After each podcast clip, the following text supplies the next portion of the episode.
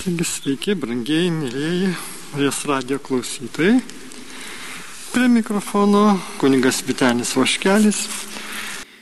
Ir artėjant pasauliniai ligonių dienai, vasario 11, švesime, minėsime ir svarbiausia, maldų taigiklyje bus mūsų sergantieji, prašysime kenčiantiems malonių gausos prisimindami tą invokaciją, tą maldos kreipinį už sergančiuosius, kad jie pirmiausia aukotų savo kančią viešpačiui Jėzui, nukryžiuotajam, vienytų su Kristumi savo negalės ir be abejo viešpas savo nuožiūrą paskirtų tos, tas malonės, tas, tos kentėjimus už kitus už mūsų artimuosius, už save pačius, už praeities suklydimus, kad galėtume šventėti, galėtume viešpažiu savo gyvenimu vis labiau patikti. Šito ir sieksim, apie tai ir svarstysim, bet mes suprantame vieną labai svarbų dalyką, kad esam pašaukti ir prašyti sveikatos, išgydymo dovanų. Ir be abejo, kol Dievas mums per angelą neša išgydymo dovaną vienokią ar kitokią, nebūtinai iš karto išklauso mūsų maldas, gal kaip tik mus, kol neišgydo dar tis iš karto, ugdo pamaldume, lavina tikėjime, kantrybėje, žodžiu, visa plejada darybių auga mumise ir tokiu būdu tai yra labai brangu, tai yra nuostabios dovanos amžinybės požiūrių. Tai apie tai galėsim ir pasvarstyti. Na, o dabar noris iš karto prisiminti vieną autorių, kuris sako, kad nereikia jo žodžių priimti pažodžiui, bet vis dėlto įdomiai pastebi, kad kas kart nekrikščioniui susirgus vėžiu, Dievas leidžia vėžiu susirgti kokiam krikščioniui, kad pasaulis galėtų pamatyti skirtumą Kokį skirtumą? Koks čia atsakas yra geriausias? Ir štai mes remsime šventųjų raštų. Jis pateikė tvirtą, bet ir nerimą keliantį atsakymą. Laikykite, broliai, tikrų džiaugsmų, kad pakliūvate į visokius išmėginimus. Supraskite, jūsų tikėjimo išmėginimas gimdo ištvermę, o ištvermė te subręsta darbu, kad jūs taptumėte tobuli, subrendę ir nieko nestokojantis. Jokūbo laiškė pirmam skaitome. O pirmasis Petro laiškas štai byloja. Mylimieji, nesistebėkite, kad degina jūs ugnis, lik jums būtų atsitikę kas nepaprasta, nes taip darosi jums išmėginti. Verčiau džiaukitės dalyvaudami Kristaus kentėjimuose, kad ir tada, kai jo šlovė apsireikš, galėtumėte džiugauti ir linksmintis. Na ir pirmasis Petro laiškas dar mums štai ką sako. Tuomet jūs džiaugsitės, nors dabar ir reikia truputį paliudėti įvairiuose išmėginimuose. Na, suprantame, kad čia iš tiesų tas džiaugsmas sunkumuose, varguose nėra natūraliai kylanti iš mūsų prigimties. Tokia va štai dovana, čia daugiau su atgamtim susiję dalykai, ką mes dabar išgirdome, nes ištvermė ir pasitikėjimas viešpačių kentėjimus, žvelgiant į Kristui nukryžiuotai, jo negalę visišką ant kryžiaus, kai jis tikrai savai paralyžiuotas, buvo vinių, būtent negalėjo nei krustelti ir galėjo būti ir yra panašus į tuos, kurie ir va štai kartais mes žin, susidurėm su jais. Tai sergančiais ligoniais mirties patale mūsų artimieji bei iškeliauja, kartais per kančią. O dabar dar tos pandemijos, to viruso COVID dar tebesitėsiančio ir žmonės va štai ant menčių guldančių dėl lygos, sunkiais atvejais irgi mes matome, kad ten tos, to džiaugsmo labai ir nedaug belieka, kai tenka kentėti, kai ir skonis prarandamas, liežuvio receptorių atsisako liktai, va štai žmogus kažkaip va, tampa toks mažesnis, toks va štai lik suvaržytas ir liktai tuomet pradedam suvokti, ko netekome, kuo mūsų viešpas yra apdovanojęs, kad sveikata toks yra turtas, kurį turime branginti ir be abejo darbuotis, kai sveiki viešpatės geroviai dar oliau, matydami tų brolių, sesių kančią, kuri mus įkvėpia, sustiprina ir suteikia daugiau ryšto nepasiduoti išglebimui, pasimetimui. Taigi dar apmastykime žodžius džiaukitės, laikykite džiaugsmu. Kuo šie patarimai skiriasi nuo nejautraus ligonio lankytojo, kuris ateina šipsodamasis ir ragina žiūrėti viską iš gerosios pusės? Kiekvieną šventojo rašto ištrauką skaitykime toliau, nes po kiekvieno tokio patarimo kalbama apie gerus vaisius, kurių siekiama. Taigi kentėjimas kažką užaugina, jis nėra bevertis, jis mus perkeičia. Vartodami, naudodami tokius žodžius kaip džiaukitės, apaštalai visai neragino šipsotis kenčiant arba apsimesti, lik nieko nenutiko. Kristus arba Paulius, reaguodami skausmą, laikėsi visiškai kitokių nuostatų. Jei minėtos nuostatos būtų pageidautinos, tikslas būtų pasitikėjimas savimi, o ne vaikiškas pasitikėjimas Dievu. Na, antra vertus, mes jau taip pat čia nėra jokių mazochistinių mėgavimosi skausmų užuominų. Ne, mes suprantame, kad skausmas yra gimtos nuodėmės padarinys. Ir štai džiaugtis kentėjimais nereiškia, kad krikščionys turėtų apsimesti laimingi dėl tragedijos ir skausmo, kai jie nori verkti. Vietoj to Biblija nukreipia dėmesį galutinį rezultatą, kuriam pasiekti Dievas mūsų gyvenimuose gali panaudoti kančią. Tačiau tai įmanoma tik tuomet, jei įsipareigojame juo pasitikėti. O šį įsipareigojimo vyksmą, nu, sakykime, net ir procesą galime apibūdinti kaip tam tikrą džiaugsmą. Štai e, dar kartą paskaitykime, tiesiog kit, kitus žodžius suraskime švento rašto laiške romiečiams penktam skyriui, net į tam tikrus etapus šis procesas dalinamas. Mes taip pat Didžiuojame sielvartą, žinodami, kad sielvartas gimdo ištvermę.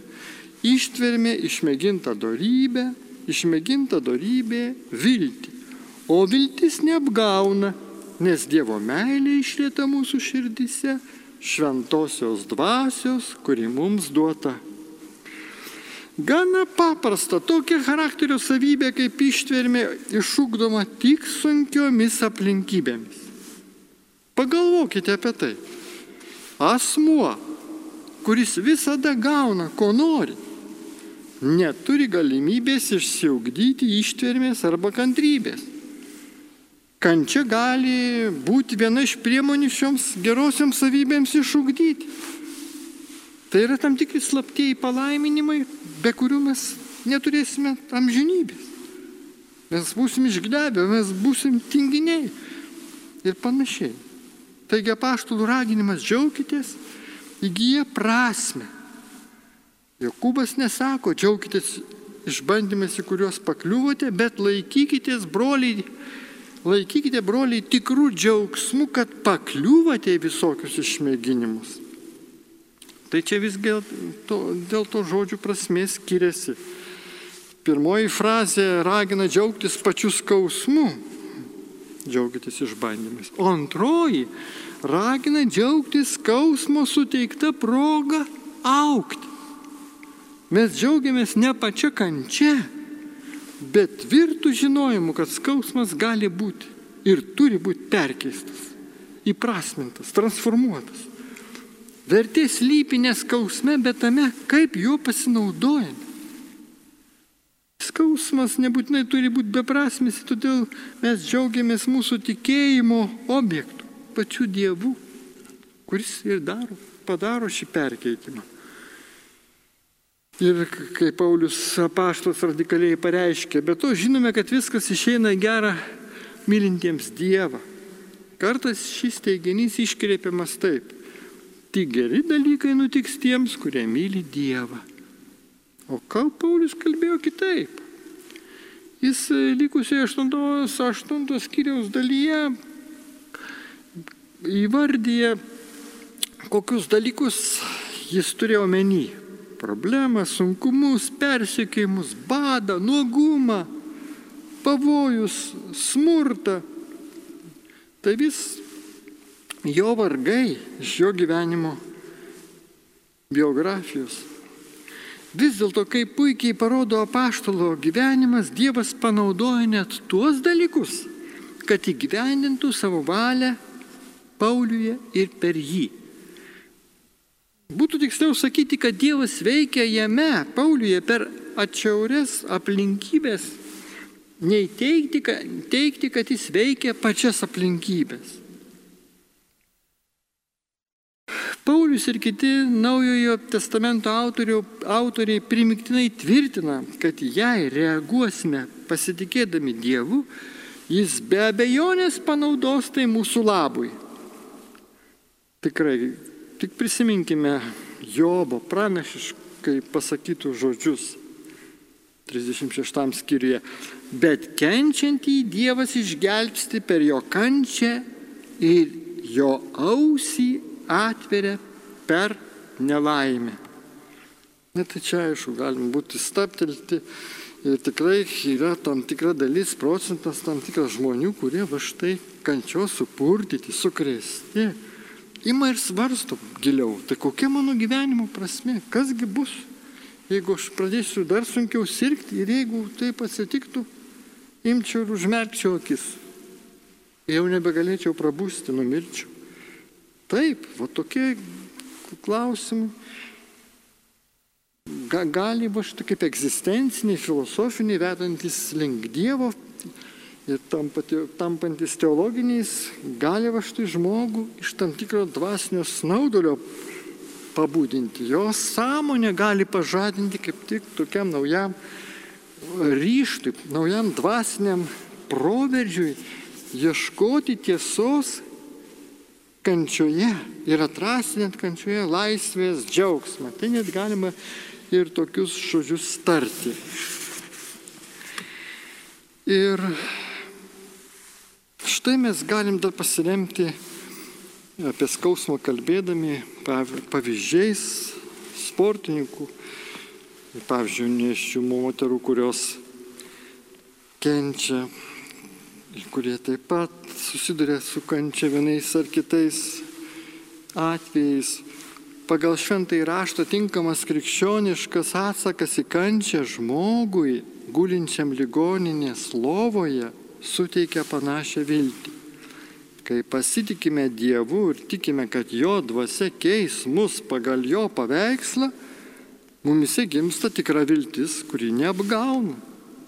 Dėl patirtų kančių mes tiesioginė šių žodžių prasme galime tapti geresniais asmenimis.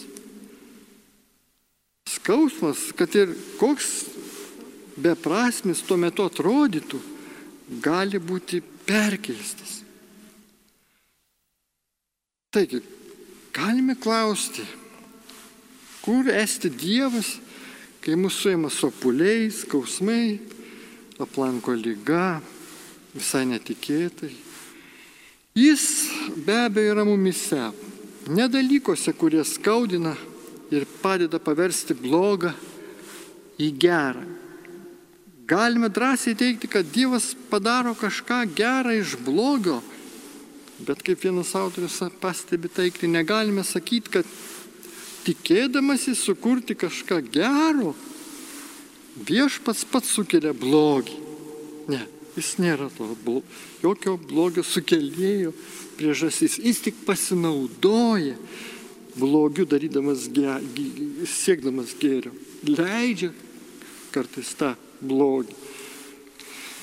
Na ir dabar norėtųsi jau pasinaudoti ir Filipo Jensei knygos, kur Dievas kai skauda ištraukom ir, pažinot, pakalbėti taip labai jau atvirai apie tos sergančius, pasinaudoti į pavyzdžiais, kuriem tiesiog padarytum ir mus drąsesniais susidūrus su, su kančios skausmo problema, pirmiausia, priimti ją ramiau.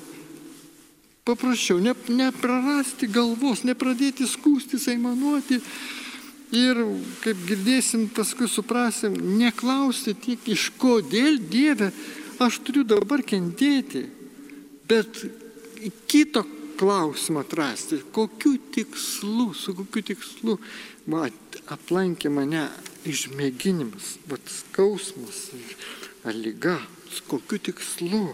Va čia yra, yra, atsiranda jau tikrai tokia konkreti, praktiška, reali jau prasmė. Ir dabar va, prisiminsiu kaip tik va, to rašytojo Jensei susitikimą su vienu daktaru Polu Brandu,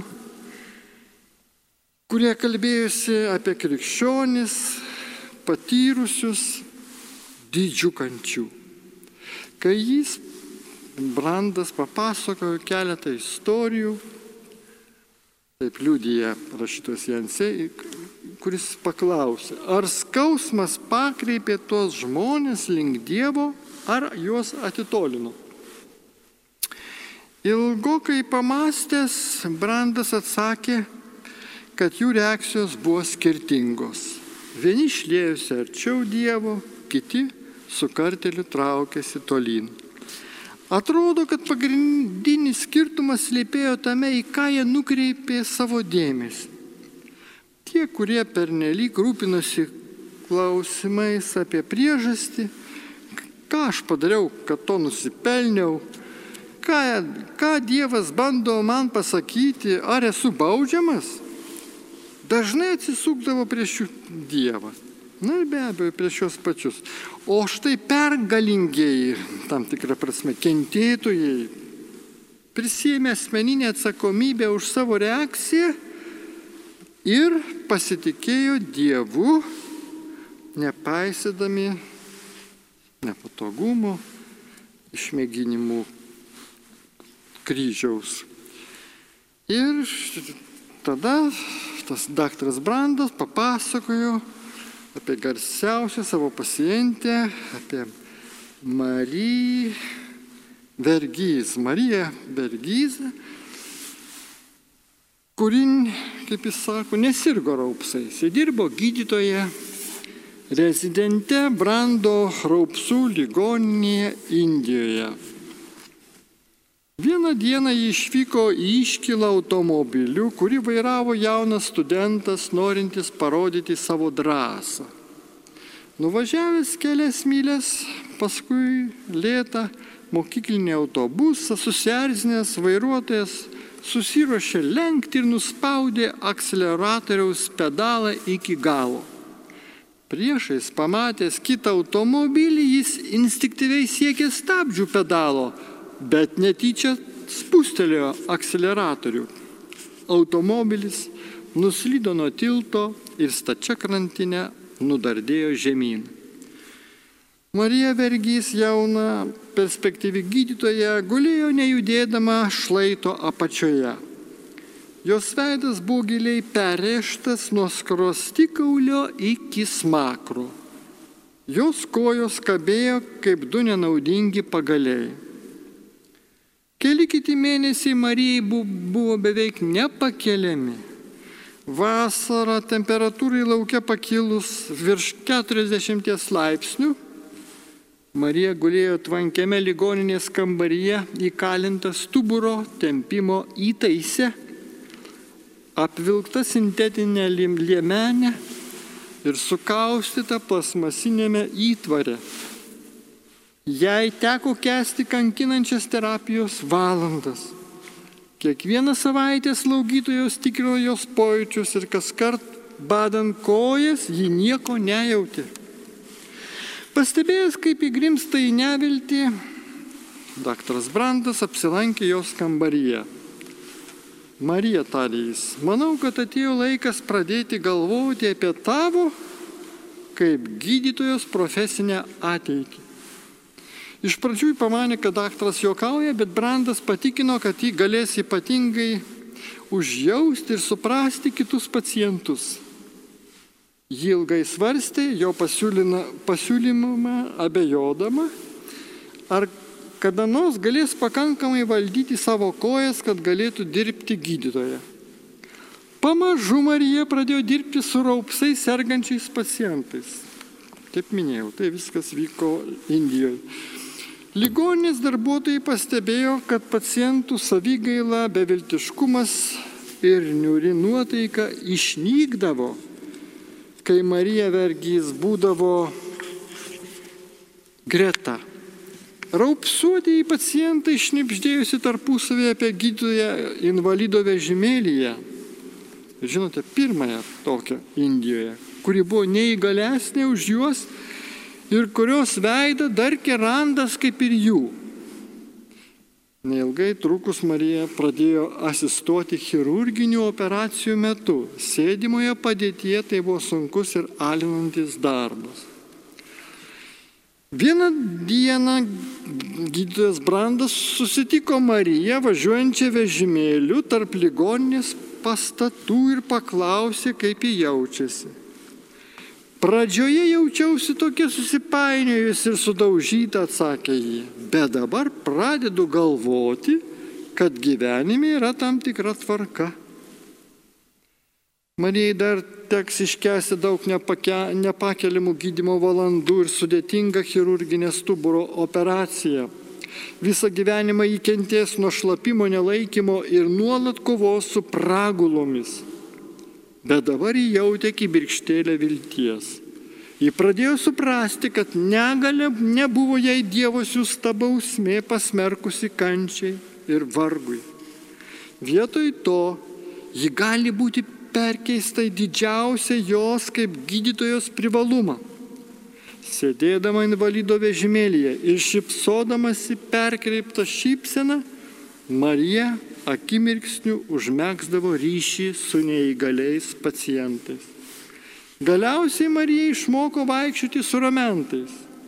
Vėliau įgavo stipendiją dirbti New Yorko fizinės medicinos ir reabilitacijos institute ir galiausiai pradėjo vadovauti naujai įsteigtam fizioterapijos mokyklos skyriui Velore Indijoje. Marija yra puikus pavyzdys žmogaus, kuris nieko nelaimėjo klausdamas, kodėl įvyko tragedija. Bet kai jie atsigrėžė į Dievą ir pradėjo klausti, kokiu tikslu, ji išmoko pasitikėti, kad jis padarys kažką gražaus iš jos gyvenimo. Taip pasirinkusi Marija Vergys tikriausiai pasiekė kur kas daugiau, nei būtų pasiekusi įprastai jei nelaimingas atsitikimas nebūtų įvykęs.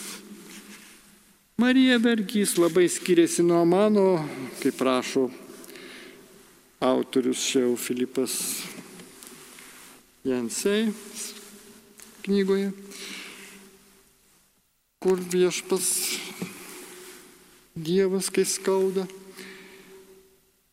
Ir apie savo lygą Jie dažnai, kiti autoriai kalba, su, tiksliau pažįstami jo su perdėtų susirūpinimu, tarsi apie vienintelį dalyką savo gyvenime. Jie leidžia laisvai lieti savygailai, kuri tūno kiekviename iš mūsų. Taigi kenčiantis asmo turi pasirinkimą. Jis gali nusisukti nuo Dievo iš pykčio ir nevilties arba priimti išbandymą kaip džiaugsmo galimybę. Nesakome, kad Dievas myli vienos rušies kenčiančiuosius ir atmeta kitus, arba kad vieni yra dvasingesni kabutėse nei kiti. Dievas supranta tiek žmonės, kurie spardosi, kovoja ir klykia, tiek ir tuos, kurie atranda, kad kančia gali būti gailestingumo ir perkeitimo priemonė. Atminkime, kad Dievui kur kas labiau patiko sažiningi Jobo svaiščiojimai nei pamaldus jo draugų išvedžiojimai. Dievas nereikalauja teisingo mūsų atsako savo, tarsi būtų pavydus tėvas, kurio lūkesčius reikia patenkinti. Jis nukreipia mūsų dėmesį nuo priežasties prie atsako mūsų pačių, ne savo labui. Iš tiesų džiaugsmingas susitaikymas skatina savaiminį gyjimą. Džiaugsmo ir dėkingumo nuostata sumažina stresą, nuramina nervus, išsklaido baimės ir padeda sutelkti organizmo gynybą. O tada vyksta ir sveikėjimas.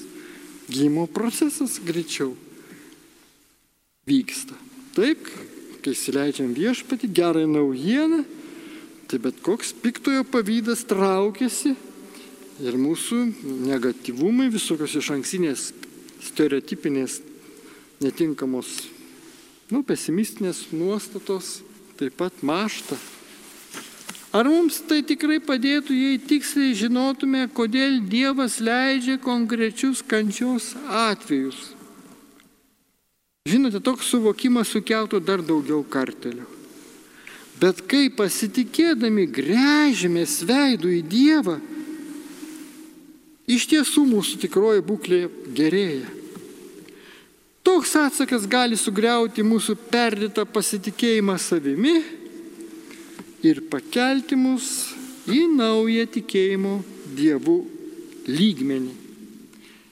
Jis gali perkeisti mūsų kančias ir iššaukdyti mumise savybės, kurios turi žin, ne tik išliekamą, bet netgi amžiną vertę. Blezo Paskalio, teologo ir filosofo malda mus kaip tik čia gali labai įkvėpti, paskatinti Dievui atsiduoti, pavesti visus savo rūpešius, visus reikalus ir vien tik juo pasitikėti. Štai kaip jis meldėsi. Neprašau sveikatos ar lygos, gyvenimo ar mirties, bet prašau, kad panaudotum mano sveikatą ir lygą, mano gyvenimą ir mirtį savo šloviai. Tu vienintelis žinai, kas man naudinga. Tu esi suverenus valdovas. Te būnė man pagal tavo valią. Duok arba timk, bet kad tik mano valia sutaptų su tavaja. Žinau tik vieną viešpatį, kad yra gera tave sekti ir yra bloga tave įžeisti. Daugiau nežinau nieko, kas yra gera ar bloga. Aš nežinau, kas man yra naudingiausia - sveikata ar lyga, turtas ar skurdas, ar bet kas kitas visame pasaulyje. Šis pažinimas viršė žmonių ar angelų jėgas ir yra paslėptas tarp tavo apvaizdos, kurią garbinu, bet nesiekiu suvokti slėpinių. Taip, suverenusis Dievas iš tiesų yra didžioji paslaptis ir mes tos va štai myslės negalėsime įminti net amžinybėje, nes būdami kūriniai ir būsime tam tikrą prasme determinuoti. Mūsų pažinimas, mūsų meilė nebus lygiai tokia, pat, tokia patys kaip Dievo. Dievo kuriejų, atpirkėjų, visagali, viešpaties mus dabar šią valandėlę palaikančių savo meilėje. Ir besistengiančių mums suteikti malonę, įprasminti skausmą, kurio ir negalim pamiršti skauda, bet, kaip vienas poetas sako, krenta lašas po lašo ant širdies, kol neviltie planko išmintis per siaubingą Dievo malonę įžango žodžiai apie vieną dar norėtųsi prabilti, sergantį apie tą žmogų, kuris buvo garsus pasaulyje kaip lengvatlėtis, kaip sportininkas, bet apie Brianą Sternbergą.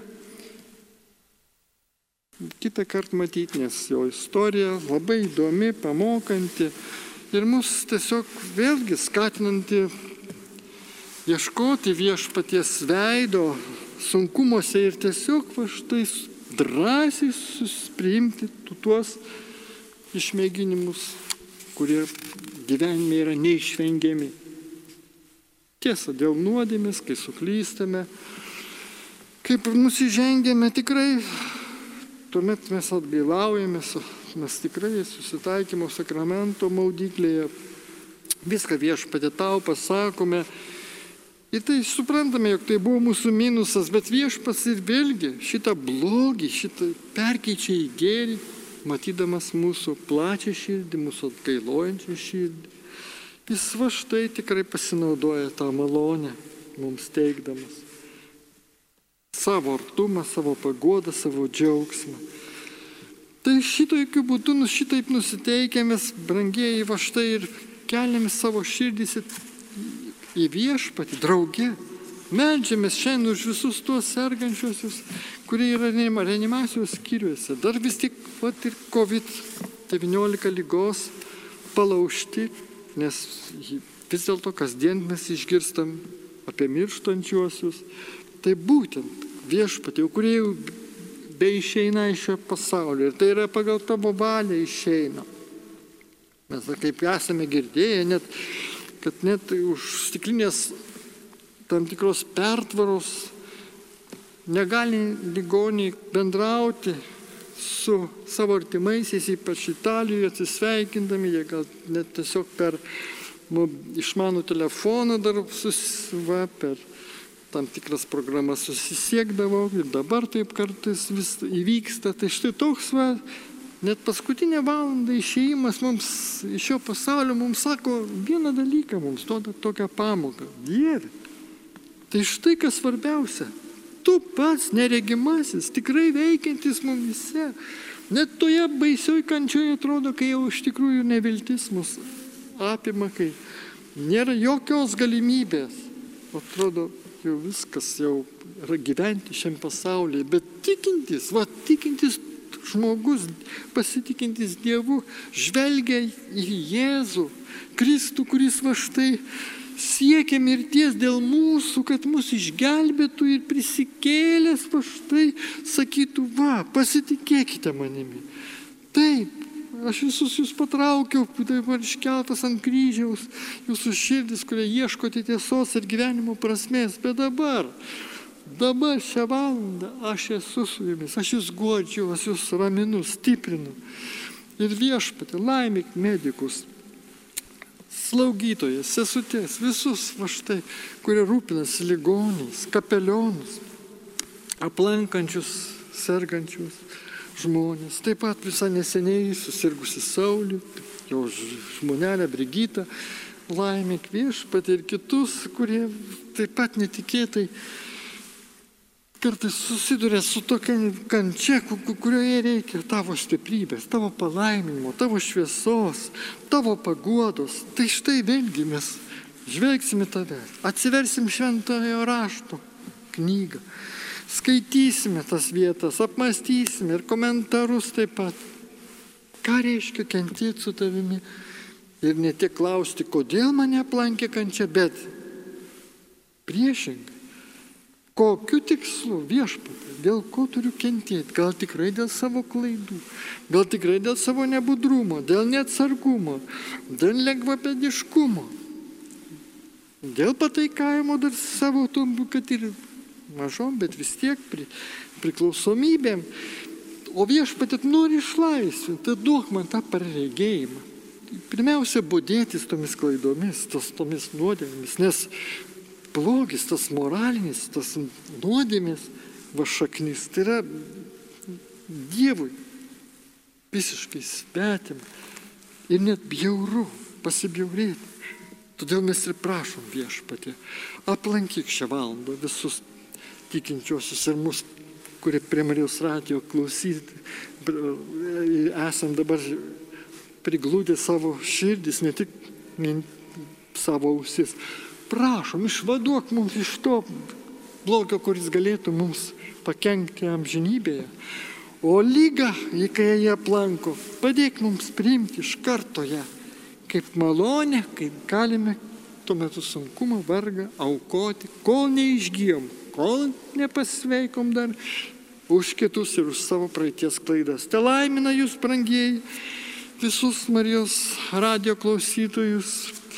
Tegul viešpas teikia sveikatos, šventosios dvasios ramybės, taikos, įkvėpimo eiti tiesos keliu ir jokių būdų neprarasti vilties žiūrėti viešpatį, į Mariją ir sakyti, šią viešpatį, tu esi su mumis, tu nepaliki mūsų vienų, mes pasitikim tavimi, Jėzau, mylime tave ir šlovinam tavo vardą dabar ir per amžius.